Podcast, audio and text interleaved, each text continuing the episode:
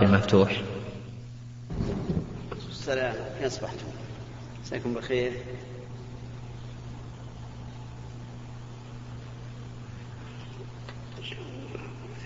هذا أظن الرابع. خامس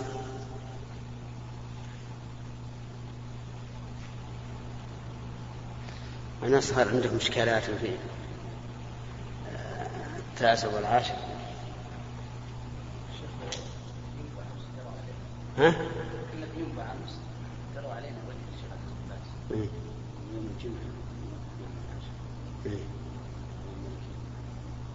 إيه. شوف بعد يوم الجديد بالجزيرة هو الناس يعني قالوا أن ثبت مجلس الأعلى للقضاء. أنهم اتصلوا بهم وقالوا أنه ثبت. يعني على أن اليوم عاشر الناس ما ودك. تتعجل بخ كلامهم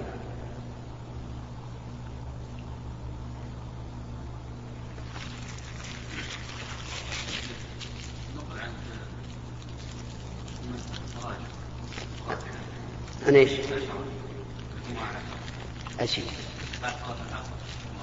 أبدا ولا ولا تراجع ولا تراجع ولا شيء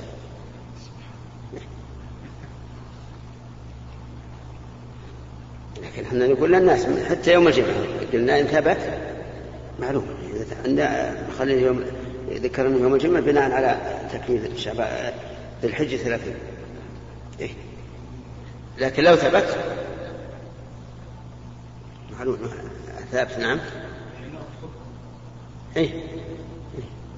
يقول عن الشيخ اليوم العاشر. ما هو صحيح. ابدا ابدا أقول ان إني سمعت عن بعض الإخوان أنهم يقول أذاعوا إن اليوم التاسع أمس وإذا ثبت صيام أمس. لا أمس علمتكم أنا ما صمت علشان صام من الثالث لكن عشان بكمل ثلاث أيام من الشهر ولا كل ندري عن الانسان ها؟ اي إيه إيه العلماء قالوا إذا صام التاسع والعاشر والحادي عشر. ها؟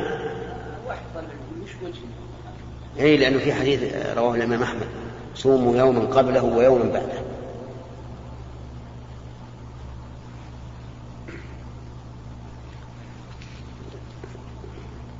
نبدأ التفسير ها؟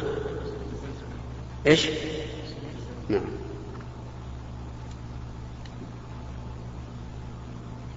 ومشغل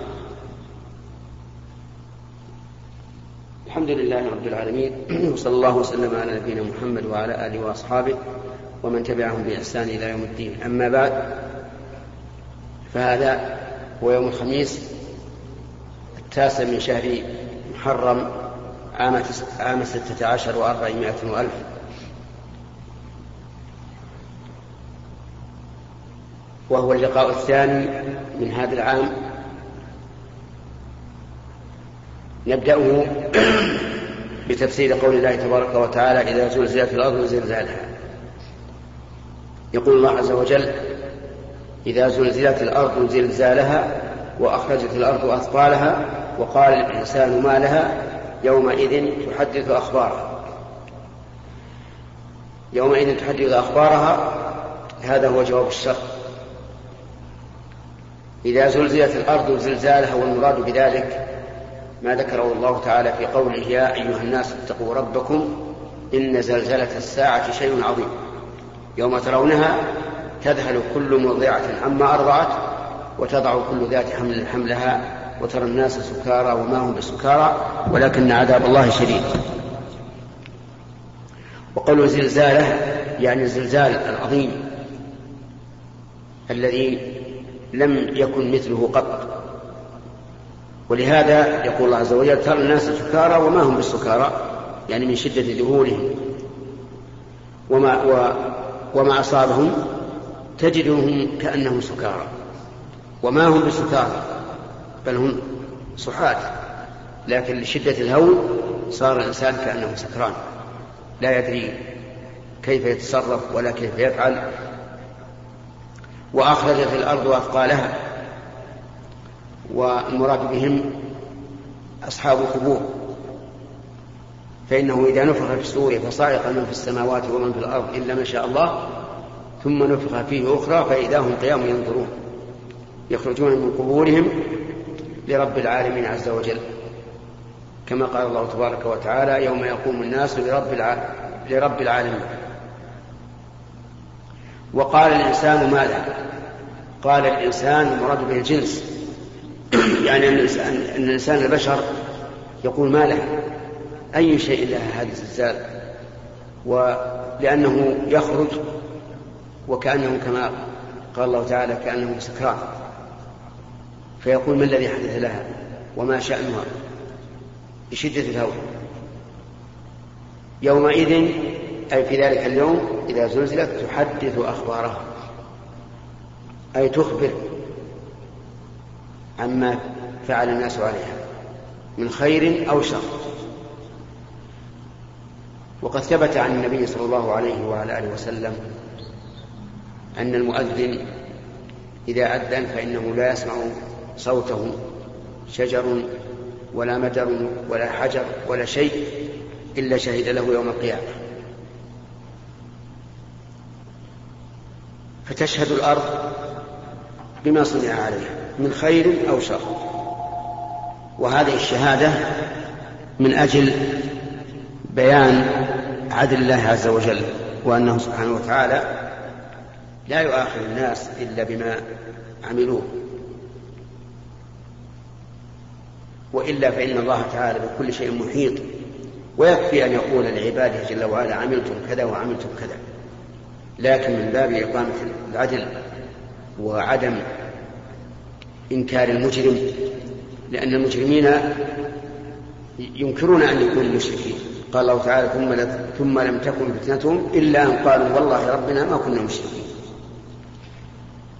لأنهم إذا رأوا أهل التوحيد قد خلصوا من العذاب ونجوا منه أنكروا الشرك لعلهم ينجون ولكنهم تختم يختم على أفواههم وتكلم الأيدي وتشهد الأرجل والجلود أيضا والألسن كلها تشهد على الإنسان بما عمل وحينئذ لا يستطيع أن يبقى على إنكاره بل يقر ويعترف إلا أنه لا ينفع الندم في ذلك الوقت. وقول بأن ربك أوحى لها أي بسبب أن الله أوحى لها يعني أذن لها في أن تحدث أخبارها. وهو سبحانه وتعالى على كل شيء قدير. إذا أمر شيء شيئا بأمر فإنه لا بد أن يقع يخاطب الله الجماد فيتكلم الجماد كما قال الله تعالى ثم استوى إلى السماء فسواهن سبع سماوات وهو نعم. ثم استوى إلى السماء وهي دخان. قال لها والأرض ائتيا طوعا أو كرها قالتا أتينا طائعين وقال الله تعالى للقلم اكتب. قال ربي وماذا أكتب؟ قال اكتب ما هو كائن إلى يوم القيامة.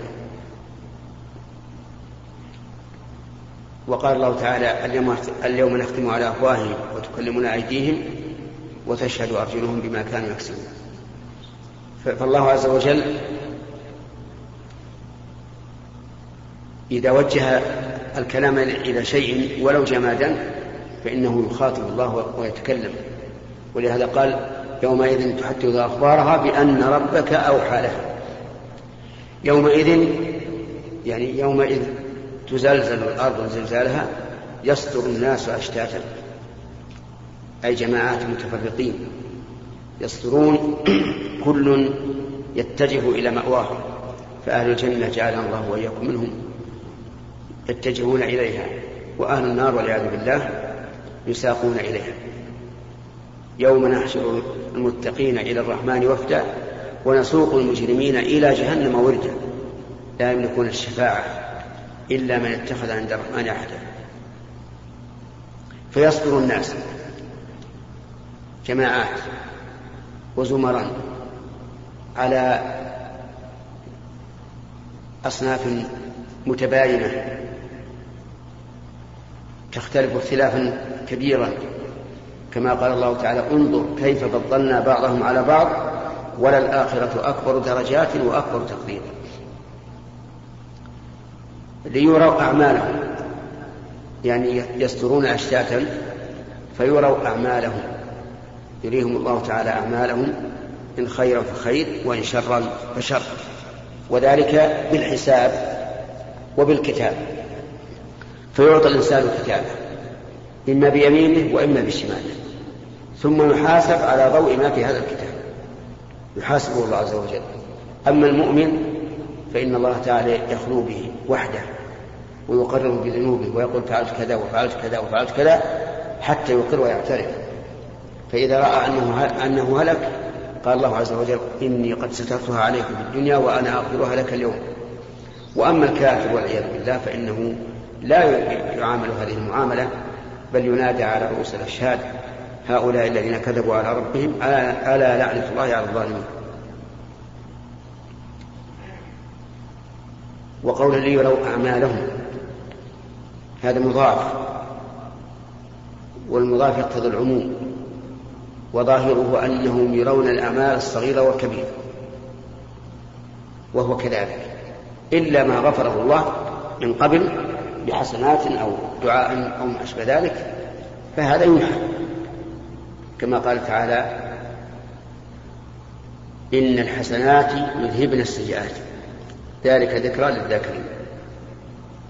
فيرى الإنسان عمله يرى عمله القليل والكثير حتى يتبين الأمر جليا ويعطي كتابه ويقال اقرأ كتابك كفى بنفسك اليوم عليك حسيبا.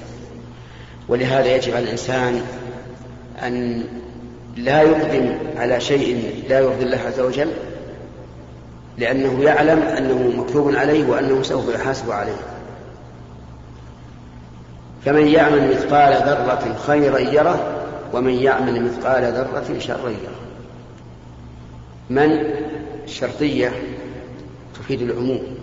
يعني أي إنسان يعمل مثقال ذرة فإنه سيراه سواء من الخير أو من الشر. ومثقال ذرة يعني وزن ذرة. والمراد بالذرة صغار النمل كما هو معروف. وليس المراد بالذرة الذرة المتعارف عليها اليوم كما ادعاه بعضهم. لأن هذه الذرة المتعارف عليها اليوم ليست معروفة في ذاك الوقت.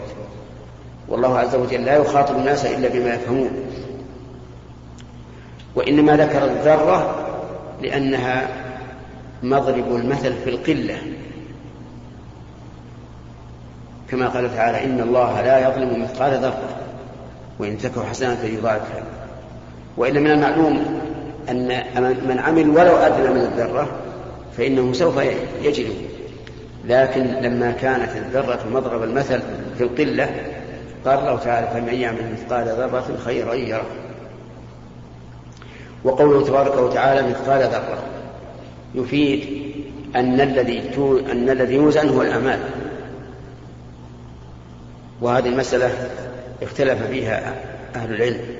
فمن العلماء من يقول إن الذي يوزن العمل ومنهم من يقول إن الذي يوزن صحائف الأعمال ومنهم من يقول إن الذي يوزن هو العامل نفسه. ولكل دليل. أما من قال إن الذي يوزن هو العمل فاستدل بهذه الآية. فمن يعمل مثقال ذرة.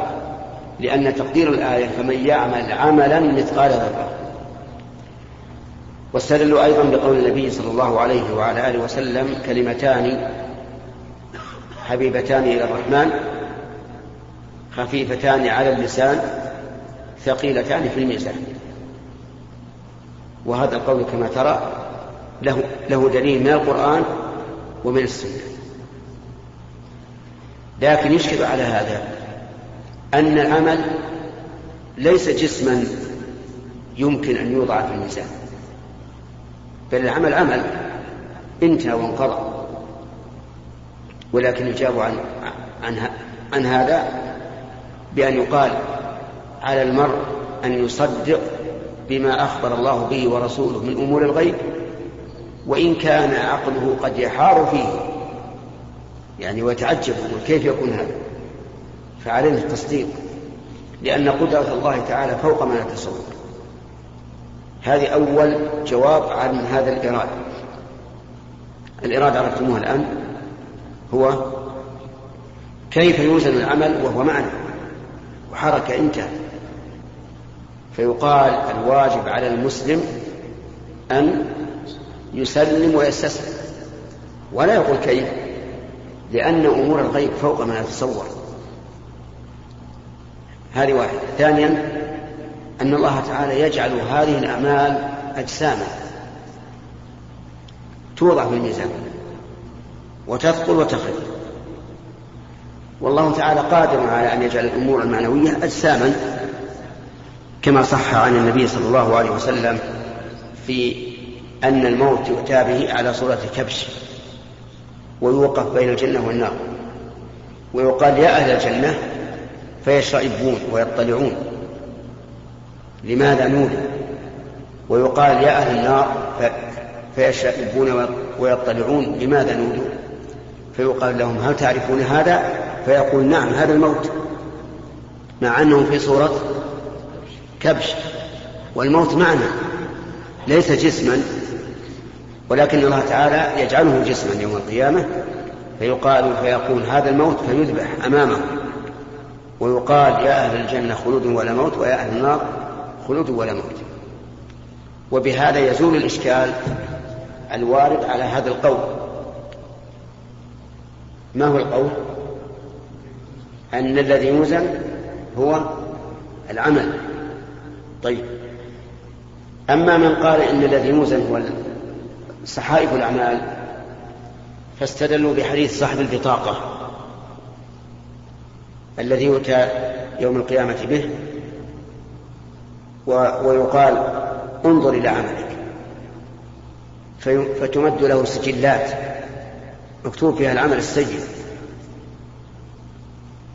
سجلات عظيمة. فإذا رأى أنه قد هلك أتي ببطاقة صغيرة فيها لا إله إلا الله.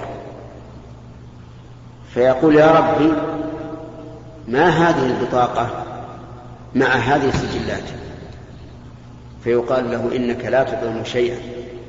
ثم توزن البطاقة في كفة والسجلات في كفة فترجح بهن البطاقة. وهي لا إله إلا الله. قالوا فهذا دليل على أن الذي يوزن هو صحائف الأعمال. طيب.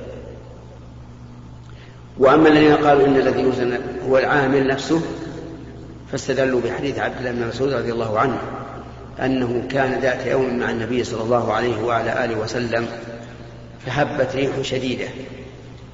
فقام عبد الله بن مسعود رضي الله عنه فجعلت الريح تكفئه لأنه نحيف القدمين والساقين. فجعل الناس يضحكون. فقال النبي صلى الله عليه وسلم مما تضحكون أو مما تعجبون. والذي نفسي بيده إن ساقيه في الميزان أثقل من أحد. وهذا يدل على أن الذي يوزن هو العامل. فيقال نأخذ بالقول الأول أن الذي يوزن العمل ولكن ربما يكون بعض الناس توزن صحائف أعماله وبعض الناس يوزن هو بنفسه. فإن قال قائل على هذا القول أن الذي يوزن هو العامل هل ينبني هذا على أجسام الناس في الدنيا؟ وأن صاحب الجسم الكبير العظيم يثقل ميزان يوم القيامة؟ فالجواب لا. لا ينبني على أجسام الدنيا. يؤتى بالرجل السمين الغليظ الكبير الواسع الجسم يوم القيامة لا يزن عند الله جناح بعوضة. وهذا عبد الله بن مسعود يقول النبي عليه الصلاة والسلام إن ساقيه في الميزان أثقل من أحد. فالعبرة العبرة بثقل الجسم أو عدم ثقله يوم القيامة بما كان معه من أعمال صالحة. يقول عز وجل فمن يعمل مثقال ذرة خيرا يره ومن يعمل مثقال ذرة شرا يره. وفي هذه الآية في هذه السورة كلها التحذير والتخويف من زلزلة الأرض وفيها الحث على الأعمال الصالحة وفيها أن العمل لا يضيع مهما أقل حتى لو كان مثقال ذرة أو أقل. فإنه لا بد أن يراه الإنسان ويطلع عليه يوم القيامة. نسأل الله تعالى أن يختم لنا ولكم بالخير والسعادة والصلاح والفلاح وأن يجعلنا ممن يحسنون إلى الرحمن وفدا إنه على كل شيء قدير. الآن إلى الأسئلة. عفى الله عنك. رجل ضمن لآخر دينا على ثالث فأعسر المدين. هل يجوز للضامن أن يسدد دين المضمون عليه من زكاته؟ نعم. بسم الله الرحمن الرحيم. المسألة صورتها واضحة. رجل ضمن دينا على إنسان. يعني قال أنا أظلمه. ثم إن المدين أعسر ولم يستطع الوفاء. فهل يجوز للضامن أن يدفع الدين الذي على المضمون من زكاته؟ والجواب نعم يجوز هذا لدخوله في عموم قول الله تعالى والغارمين. وأنا لم أقضي الدين عن نفسي وإنما قضيته نعم يقول الضامن أنا لم أقضي الدين عن نفسي وإنما قضيته عن المدين وأبرأت ذمته وأعلم أنني لو قضيته من مالي لبقي الدين في ذمة الغريب. وحينئذ يكون قضائي إياه من زكاتي إبراء لذمة الغريم فيدخل في عموم الآية. فضيلة الشيخ ما رأيكم في إفراد اليوم العاشر من الشهر المحرم بالصيام بنية الصيام عاشوراء؟ نعم. لعلك تريد الجمعة أو مطلق. صيام عاشوراء له أربع مراتب. المرتبة الأولى أن يصوم التاسع والعاشر والحادي عشر وهذا أعلى المراتب. لما رواه أحمد في المسند صوموا يوما قبله ويوما بعده خالف له. ولأن الإنسان إذا صام الثلاثة أيام حصل على فضيلة صيام ثلاثة أيام من الشهر. المرتبة الثانية التاسع والعاشر. لقول النبي صلى الله عليه وعلى آله وسلم لئن بقيت إلى قابل لأصومن التاسع. لما قيل له إن اليهود كانوا يصومون اليوم العاشر وكان يحب مخالفة اليهود بل مخالفة كل كافر. والثالثة العاشر مع الحادي عشر. والرابعة العاشر وحده. فمن العلماء من قال إنه مباح. ومنهم من قال إنه يكره. فمن, فمن قال إنه مباح استدل بقول بعموم قول الرسول عليه الصلاة والسلام حين سئل عن صوم يوم عاشوراء فقال أحتسب على الله أن يكفر السنة التي قبله. ولم يذكر التاسع. ومن قال إنه يكره قال إن النبي صلى الله عليه وسلم قال خالف اليهود. صوموا يوما قبله أو يوما بعده أو لفظ آخر صوموا يوما قبله ويوما بعده. وهذا يقتضي وجوب إضافة يوم إليه من أجل المخالفة أو على الأقل كراهة إفراده. والقول بالكراهة قوي. القول بكراهة إفراده قوي. ولهذا نرى أن الإنسان يخرج من هذا بأن يصوم التاسع قبله أو الحادي عشر. هؤلاء إخوة يقولون في عملنا يوجد رافضة ويهود ونصارى. إيش؟ في مقام العمل عملهم نعم. شركة. رافضة ويهود ونصارى ويسلمون علينا بالمصافحة. نعم. هل نصافحهم؟ إذ نعم. إذا سلم عليك يهودي أو نصراني أو وثني أو ملحد أو آه، شيعي أو غير ذلك وصافحك فصفح لعموم قول الله تعالى وإذا حييتم بتحية فحيوا بأحسن منها أو ردوها. والنبي عليه الصلاة والسلام إنما نهى عن عن بدأتهم بالسلام أنا أن تبدأهم بالسلام. نهى أن تبدأهم بالسلام. أما إذا سلموا فرد عليهم كما سلموا لأن هذا هو العدل. ودين الإسلام دين العدل نعم وزعت في المسجد وزعت في المسجد يوم الثلاث هي تحمل اسم قبيلتكم وهي تراتيب دخان منبوع إيش؟ هي وزعت في المسجد يوم الثلاث تراتيب تحملتكم وهي تراتيب دخان منبوع وهي في الأصل كتب تفسير من الداخل. ومن الخارج دعاية دخان منبوع قد مرت عن طريق المطار تحمل اسم فضيلتكم. الرجاء من فضيلتكم. تنويه مراسلينكم. جزاكم الله خير تفسير وش التفسير؟ الكتب وزعت وزعت إيه وش التفسير؟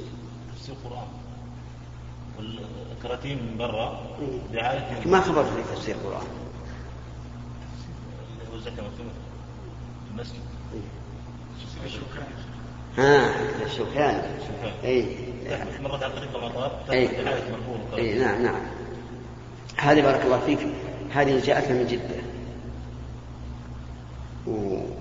ولا أعلم أنا أنا لست أعرف الكراتين أنها للدخان ولا للدخان لكن قال بعض الإخوان هكذا وقلنا لهم جل فرغوها في- داخل الغرفة والكراتين أبعدوها. وليس ثاني الكلام مو من مؤلفاتهم هذا للشوكاني رحمه الله. الله يجزاك خير يا شيخ. مرت عن طريق المطار. إيه. تحمل دعاية مرفوعة اسم فضيلة الشيخ صالح محمد اليمين كيف من- إحنا جيت من, جدة من جدة. هي كان طريق إيش؟ المطار القصيم يعني؟ المطار القصيم. اي ما في ولا إنسان عادي يشوفها إيه. من برا طبعا. لا الحمد لله لسنا في اتجاه الدخان لا. بس أي واحد جاهل لا. الله على كل حال هذا خطأ لا شك. ما ينبغي أن يحط كلام الله عز وجل وتفسير كلام الله في صناديق الدخان هذه ما هي طيب ها؟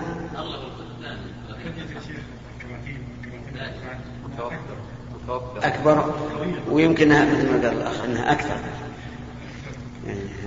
اللهم عافية لكن وش وش وش نقول؟ نقول إذا جاء مثلا إذا جاءنا طرود كتب من هذا النوع ردوها. كراتين عقل المعبد. مقصودها يا شيخ ما عاد الله أعلم الله أعلم بالنيات. الله بالنيات. لكن إذا صار ما عنده بهالحوش هذا إلا كراتين دخان. ما هو راح يدور طريقة عن طريق المطار من اسم إيه ما خالف جاءت عن طريق المضارع تحمل اسم وفيها وليكن اللي فيها غير كتب مثلا إنما حمل اسمي على هذا ال- الكراتين غلط. لكن وش نسوي؟ نقول للمطار ردوها. ما هو ممكن. إنما أنتم يعلم بارك الله فيكم أننا نرى تحريم الدخان. ولسنا من تجاره؟ والحمد لله. أنا يا شيخ بس شكلك كذا مره ما هو ما هو بيدينا نعم. بسم الله الرحمن الرحيم. فضيلة الشيخ هناك أشخاص يعني من طلبة العلم يسهرون في الليل أحيانا في الصلاة أو في المذاكرة ويضيعون صلاة الفجر. وإن نصحتهم أعطاك به الحجج أن الرسول كان يعني أخر مرة يعني فات صلاة الفجر. يعني يأتي بأدلة يعني ما أدري ما يأتي بها. هذا غلط أن يعني من الغلط أن الإنسان يبقى ساهرا في الليل بتهجد أو بمراجعة علم ثم ينام عن صلاة الفجر.